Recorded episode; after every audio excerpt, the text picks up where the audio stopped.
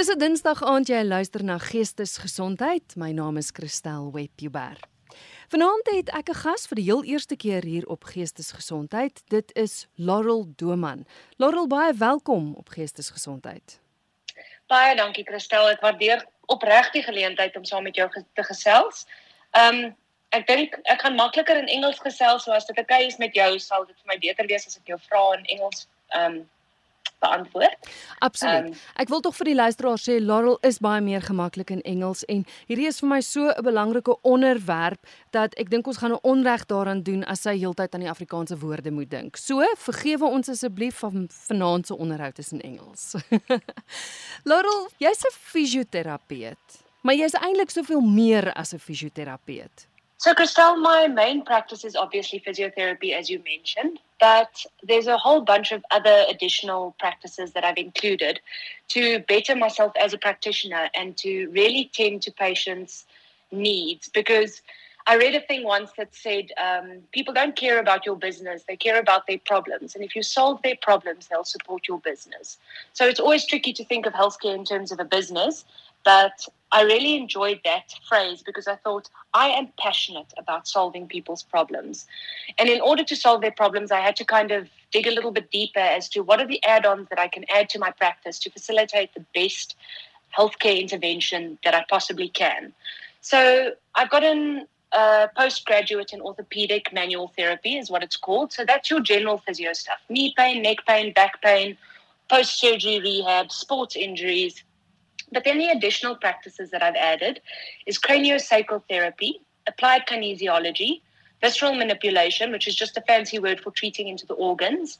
And I work from a vantage point of functional and integrative medicine. So, the most important thing about functional and integrative medicine is the question that we ask. So, instead of asking what, so what diagnosis and what medication, we ask why. Why is your body doing what it does? Because generally, I find symptoms are merely a warning sign that there's something else going on. So, by asking why, you get to a very much more thorough root cause as opposed to just looking at what the symptom manifestation is.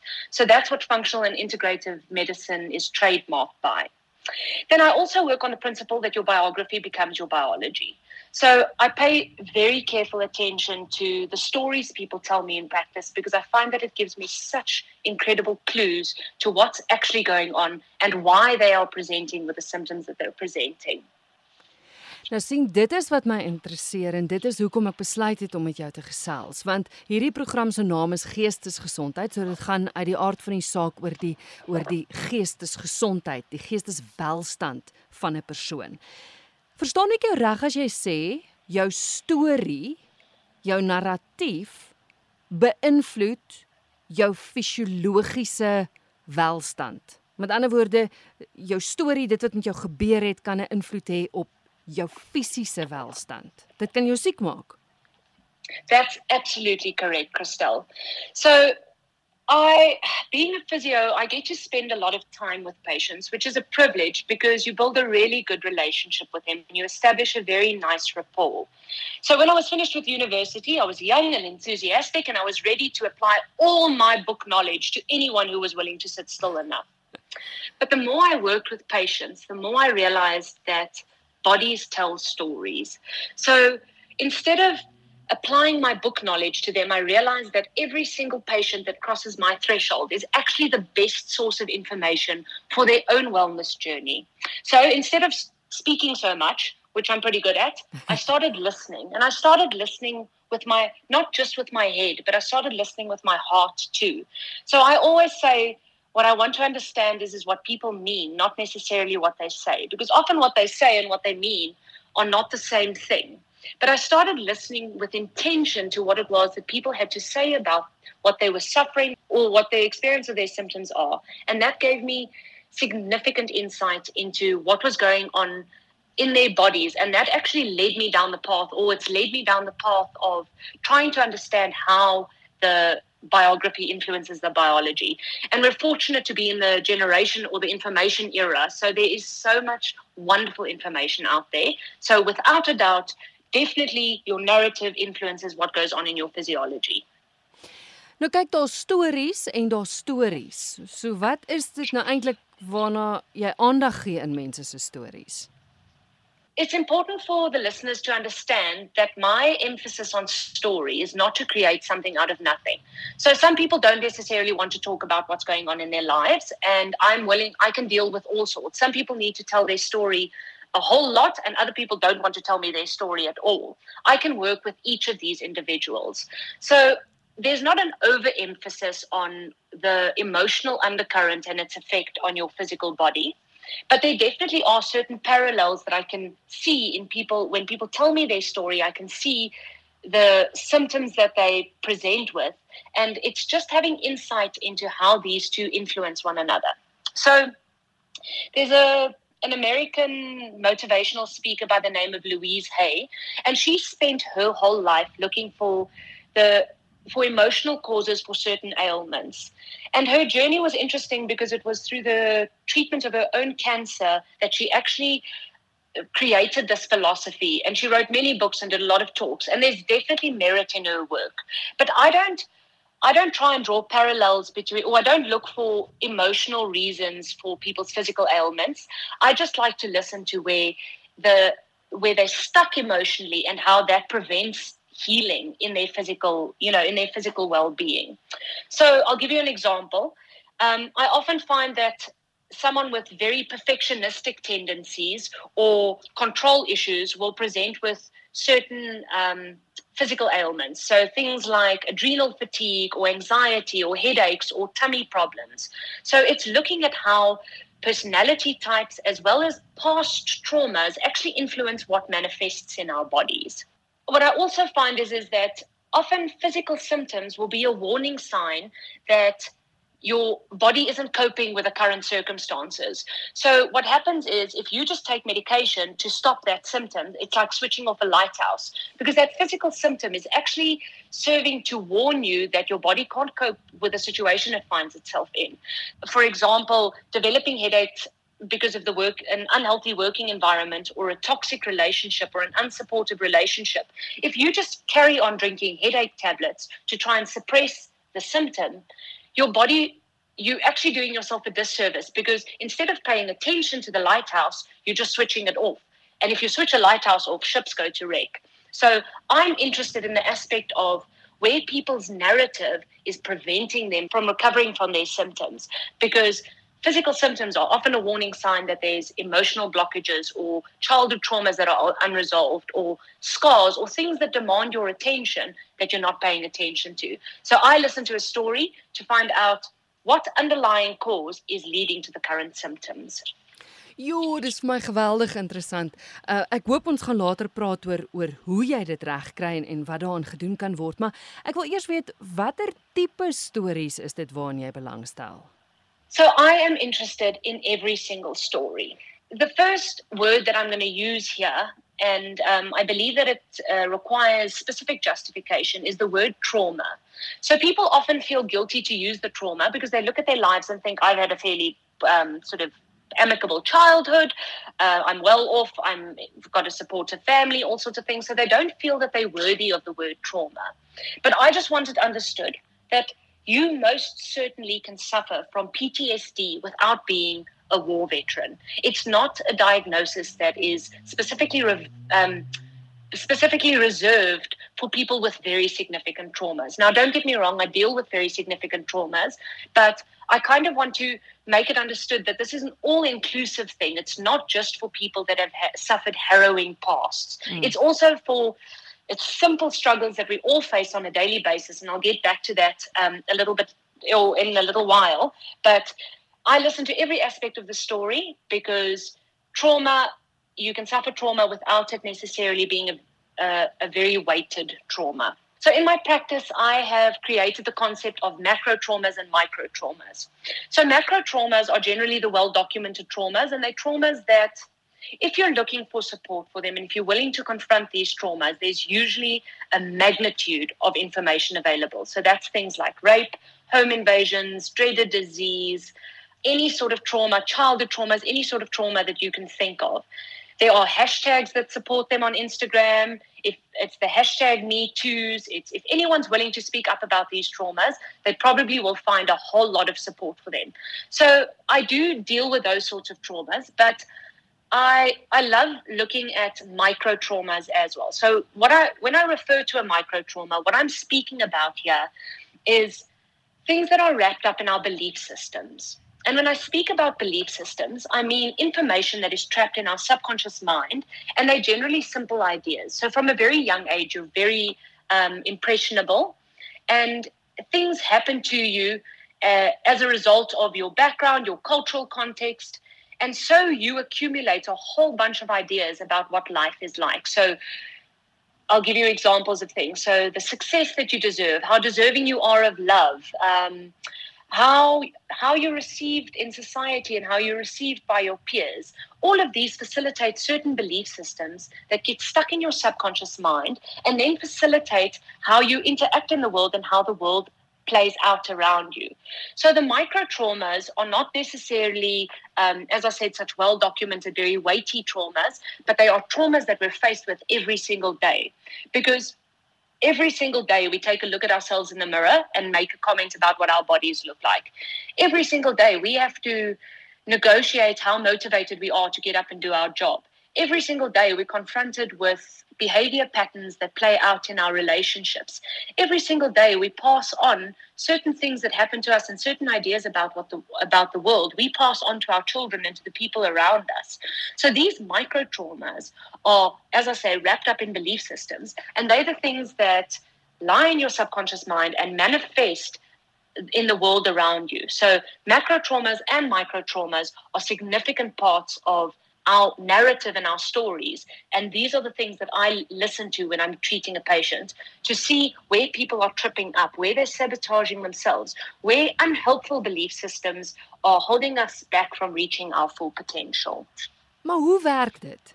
Hoe werk dit dat as jy vir jouself in die spieël kyk, dit wat jy dink 'n invloed kan hê fisies op jou. As jy ongelukkig is in jou werk, ek meen jy het nou magte om voorbeelde gewys. Al daai goeters, hoe hoe werk dit dan nou? Okay, Christelle. So the answer to this is actually twofold. Firstly, how the body stores the story, and then what happens to the body as a result of the story. So we see evidence that our emotions influence our body. When we're happy, we can't help but smile. If we're unhappy, we will, or we're stressed, we'll feel our neck tighten up. We might feel an emptiness in our tummy or a knot on our tummy. So all of this is evidence that what happens in or what the emotions that we experience in our body actually have an influence on what's going on in our physiology. So there's three more recent um, schools of thought and uh, fields of study that have given us the most information about how this how your um, biography actually influences your biology. So the three fields of study are neurosciences, um, developmental psychopathology, and interpersonal neurobiology. So these three um, fields of study give us insight into what actually happens in the brain chemistry as a result of trauma, the effect of trauma on the development of our body and of our health, and then as well as how these certain traumas and incidents that happen to us actually influence the people around us. So as a result of these three studies, we have a very much better understanding to what the effect of trauma actually is on the body and specifically on the brain chemistry.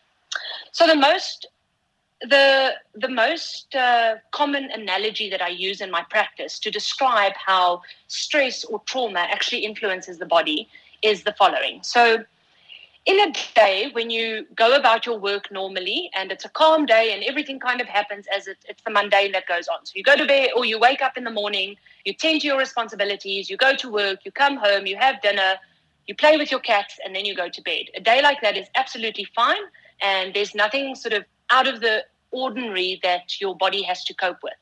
So your brain serves as the sec- secretary of the body. So in a day like that, um, your brain gets handed a stack of papers and it has to file those papers. So it goes about the filing and it manages to put everything in order from A to Z. What happened in a day? In a day where you face something either that's overwhelming even that's just unfamiliar, it doesn't even have to be so traumatic, but it might be something that takes you out of your norm or out of your routine. the brain secretary is handed a whole bunch of papers. And what it has to do with those papers is, is it has to file them. But because everything that happened in the day is more overwhelming than what the secretary can actually cope with. She tries to file all the, the papers, but some of them she can't get to. So then the paperwork becomes um, all messed up, and there's papers lying on the desk. Some of the papers end up in your handbag, some of them end up under your car seat, some of them end up in the cupboard under the zinc. And then when you're dealing with something completely unrelated, these papers pop up. Ah. And examples of this is when we, what, what, you know, when something very simple triggers an, an unnatural emotional response in us. So, for example, uh, you're carrying bags from the shop, one breaks and it tears open, and then you burst into tears as though the world has come to an end. Or if you're driving in traffic and you have an unnatural, aggressive reaction towards a small trigger. So, what happens when your body has unprocessed stress your secretary could attend to all the paperwork, and then the paperwork becomes chaotic and it actually lands up raising its head at inopportune moments. And things that shouldn't really cross pollinate or influence one another, they land up, you, as I say, you have an exaggerated, to a, an exaggerated result to a very small incident. So the way all that information is stored in the brain and in your nervous system, and it's as a result of certain incidents happening to you. Does that answer your question? Absoluut. Absoluut. Ja, ek dink my sekretaresse werk party daaroor tyd, hoor. Ehm um, ons almal sin en Christel especially at the moment what I find mm. is I mean, I know I also I don't almost don't even want to speak about it because even just speaking about it the whole time aggravates the narrative. But with the stress of COVID, we've all had to deal with so much more. And this is an example, even if you haven't been adversely affected by the everything that's happening by COVID, because it's so unfamiliar, it's also experienced by your body as a stress. So a lot of people have suffered immense losses and they have reason to feel traumatized. But people feel come to my practice and say and feel guilty. They're like, our business has been fine. The worst thing that has happened is, is we can't travel, but I still feel so anxious. And it's because it's so unfamiliar that your your brain secretary is like, this isn't the normal paperwork that I have to file. Yeah. So yeah. So, yeah. as I said, I didn't want to mention it because I think everyone's tired of hearing it, but it's a prime example of how traumatic experiences cause a lot of chaos in our symptom, I mean, in our system, but unfamiliar experiences also cause a lot of chaos in our system.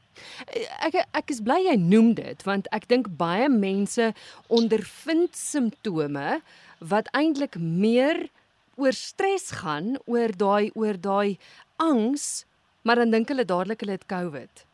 Verstaan ek mens selfs al het jy net hoofpyn. Yes, so, yes, yes, yes, yes. Okay. So yeah. that's actually very or those three um, fields of study that I mentioned explain why that happens because there's an upregulation in your body's alarm system.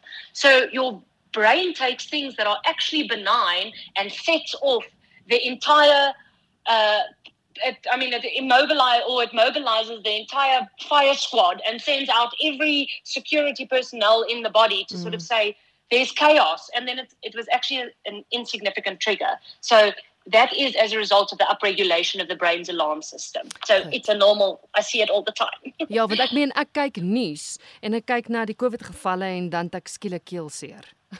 ja, dan word jy Ek het um I saw a status update that I put on um 20 I assume yeah, it would have been 2019 in February when I said I said um does anyone else develop an insatiable face itch every time they walk into um, Woolworths. And that was when we weren't even wearing masks yet. We weren't locked down, but everyone was like, don't touch your face, don't touch. The... I was like, why is my nose itching all of a sudden? It never itches when I walk into Woolworths under normal circumstances, but now it does.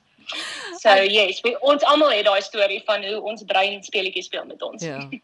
Ek gesels met Laurel Doman en ons gesels oor hoe jou storie, jou narratief 'n invloed kan hê op jou fisiese gesondheid. Nou Laurel, ek dink luisteraars sit en luister nou en hulle dink, "Oké, okay, goed. Maar hoe gaan ek nou weet of my storie die rede is vir my vir my fisiese welstand?" Hoe hoe gaan mens weet? Want ek kan met hoofpyn of of maagpyn of wat ook al rondloop. Hoe gaan ek weet of dit my storie se skuld is? Okay. Chriselle, that's a very good question. So, the thing that I really want the listeners to understand is when you ask yourself that question, make sure that your motive isn't to look for something to blame. So it's not saying that my health is a problem because of my daddy issues or because I have an abusive boss or because so it's always unhelpful to look for a something to blame as opposed to how to solve something. So when I work with clients, I don't want to argue them into victimhood. I want to empower them with strategies as to how do we acknowledge that your emotional well-being is influencing your physical health, but how do we move on from there? So that is really, really important. Um, a really important take-home message that I'd like to sort of drive home. Okay, so the things that give you an indication that your narrative might be influencing your physical health. There's a few different examples. Okay.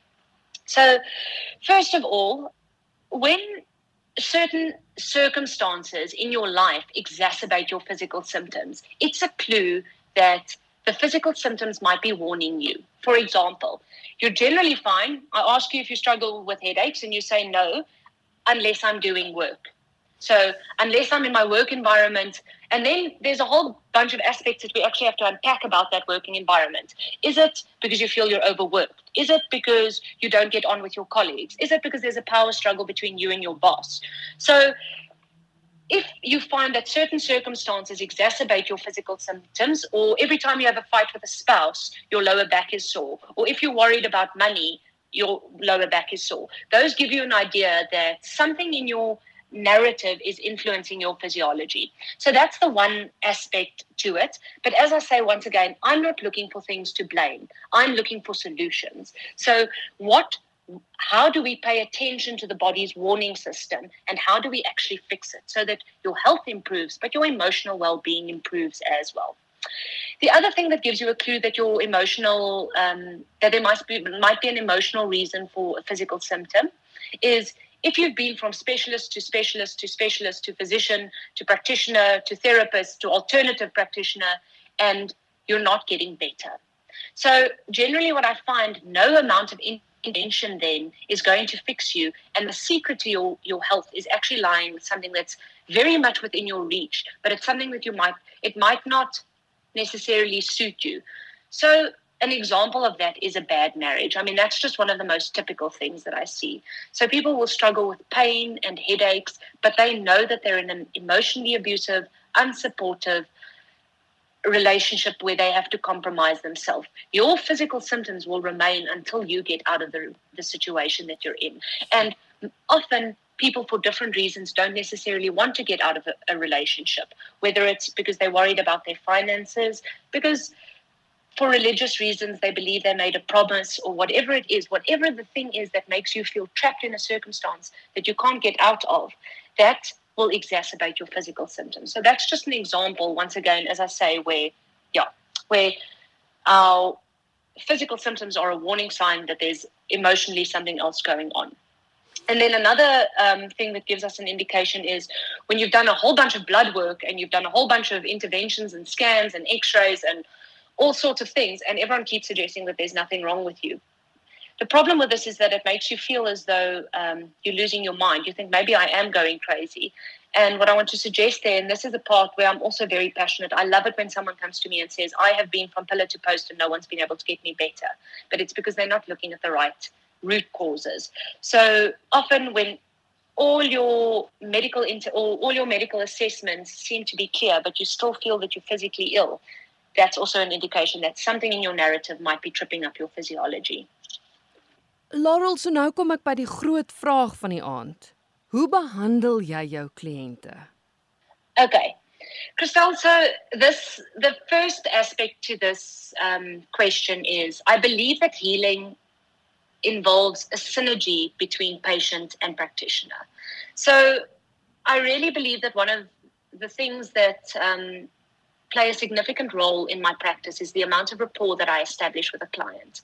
And that, as I say, firstly, when people feel, feel heard, they are willing to tell you or they are willing to partake in their healing journey.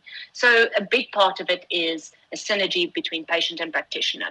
Okay, so the actual techniques that I used, as I mentioned, I do craniosacral therapy, visceral manipulation, applied kinesiology. Well, I use my background in applied kinesiology. Um, physiotherapy, and then the vantage point from which I work is functional and integrated medicine. So I use a combination of these various practices to influence the physical effects of trauma. So, as I've explained before, there are a few different things that happen in the body. So, the first thing is an upregulation of your autonomic nervous system, and your autonomic nervous system is responsible for your fight or flight or freeze response.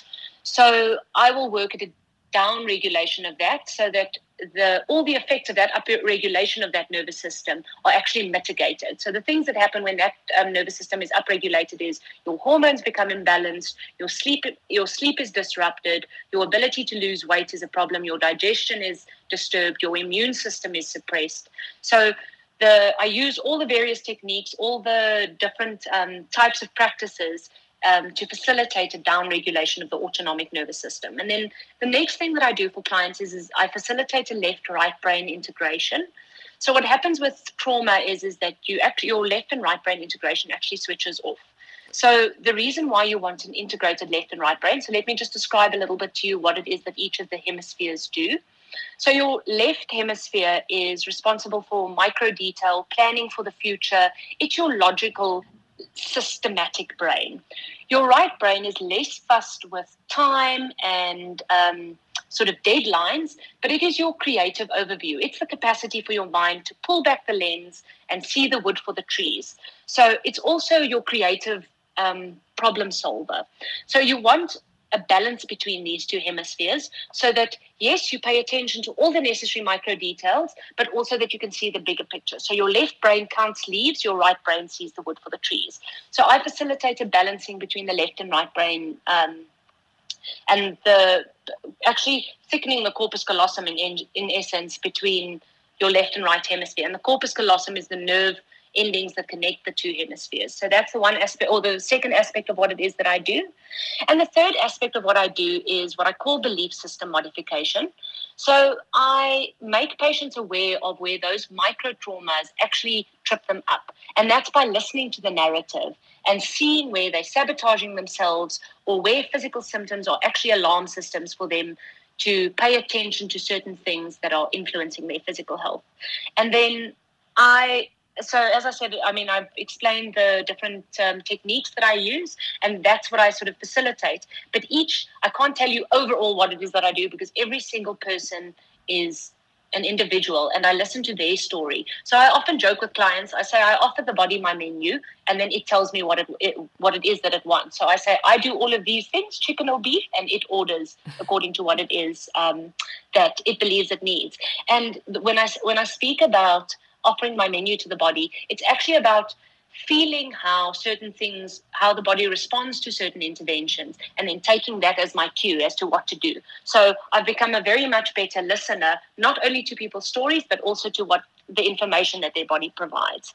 And then the things that I treat, so I treat a lot of things that are not necessarily quintessentially associated with physiotherapy. So autoimmune conditions, headaches, which is associated with physiotherapy, but I will work into gut health, I will work into stress management, I will work into um, trauma, perfectionism, eating disorders, chronic pain, anxiety, depression, because all of these symptoms are warning signs that the body isn't necessarily coping with its narrative. And when I start intervening in your body's stress response, and um, how it buffers how it buffers all these experiences then I can help that body secretary file the paperwork accurately. So that is sort of what I do in a nutshell.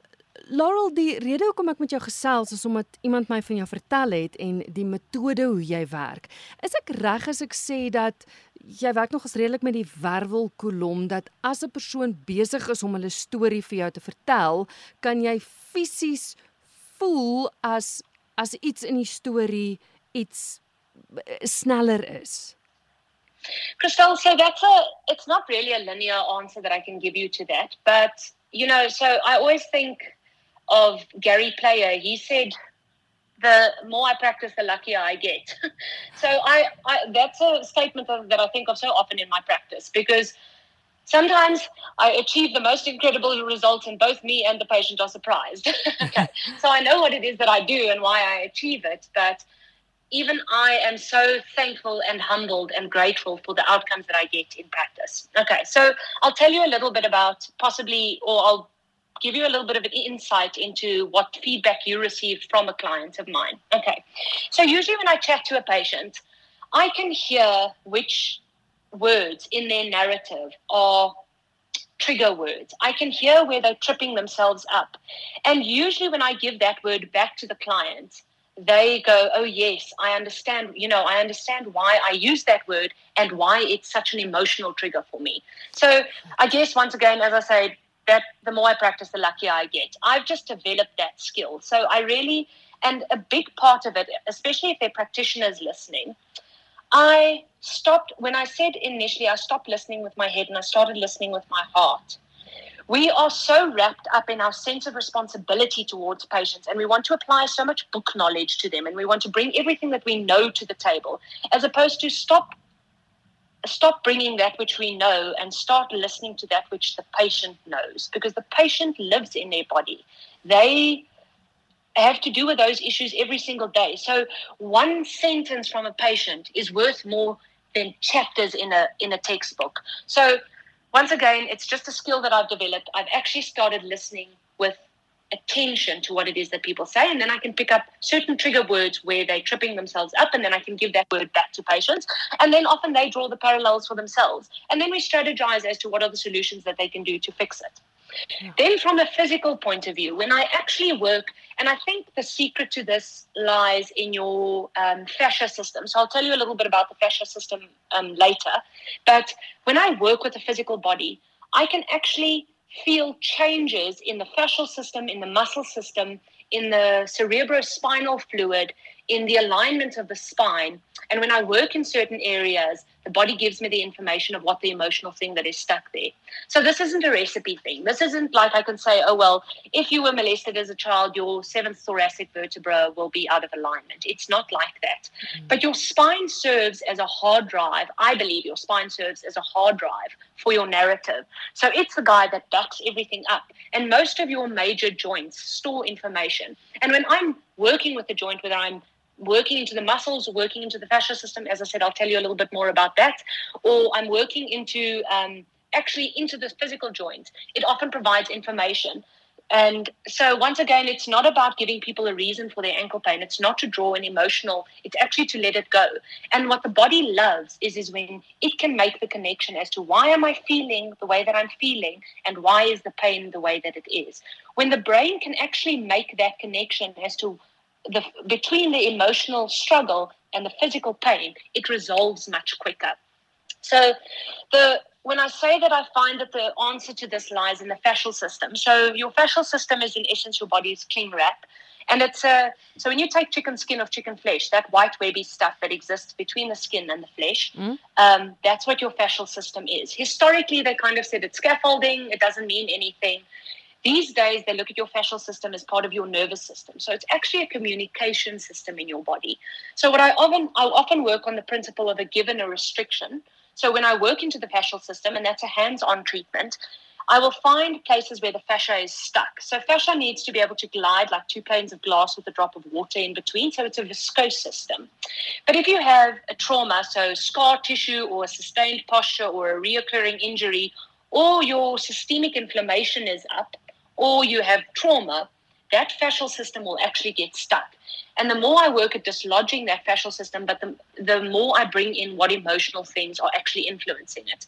And once again, the more I practice, the luckier I get. The more I work with bodies, the more information I actually get from bodies from what physical emotion is actually stuck in that area. And I, I mean, that's sort of something that I was brave enough to start playing with. And luckily, the feedback that I get from clients, they affirm that which I suggest. So it's it's a little bit of it's there's a lot of science behind it, but there's a little bit of technique and a little bit of magic. And hey, hey, what do you know? People are cured.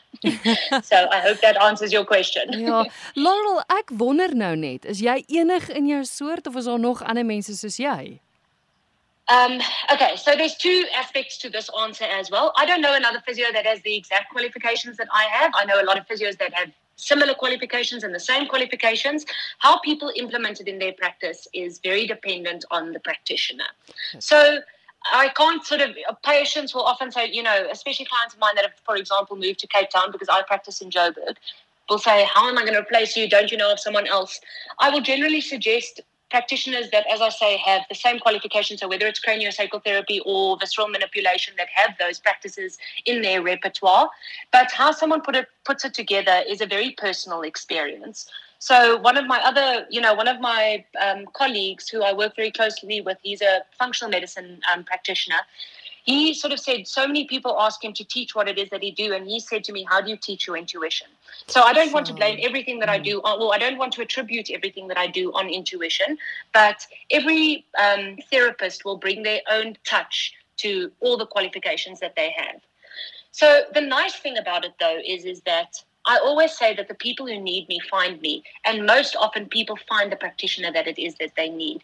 Every single practitioner has a certain magic and has a certain thing um, that they bring to a patient. So, although, as I said, I don't know someone who practices exactly like me, I know a lot of practitioners who have the same qualification.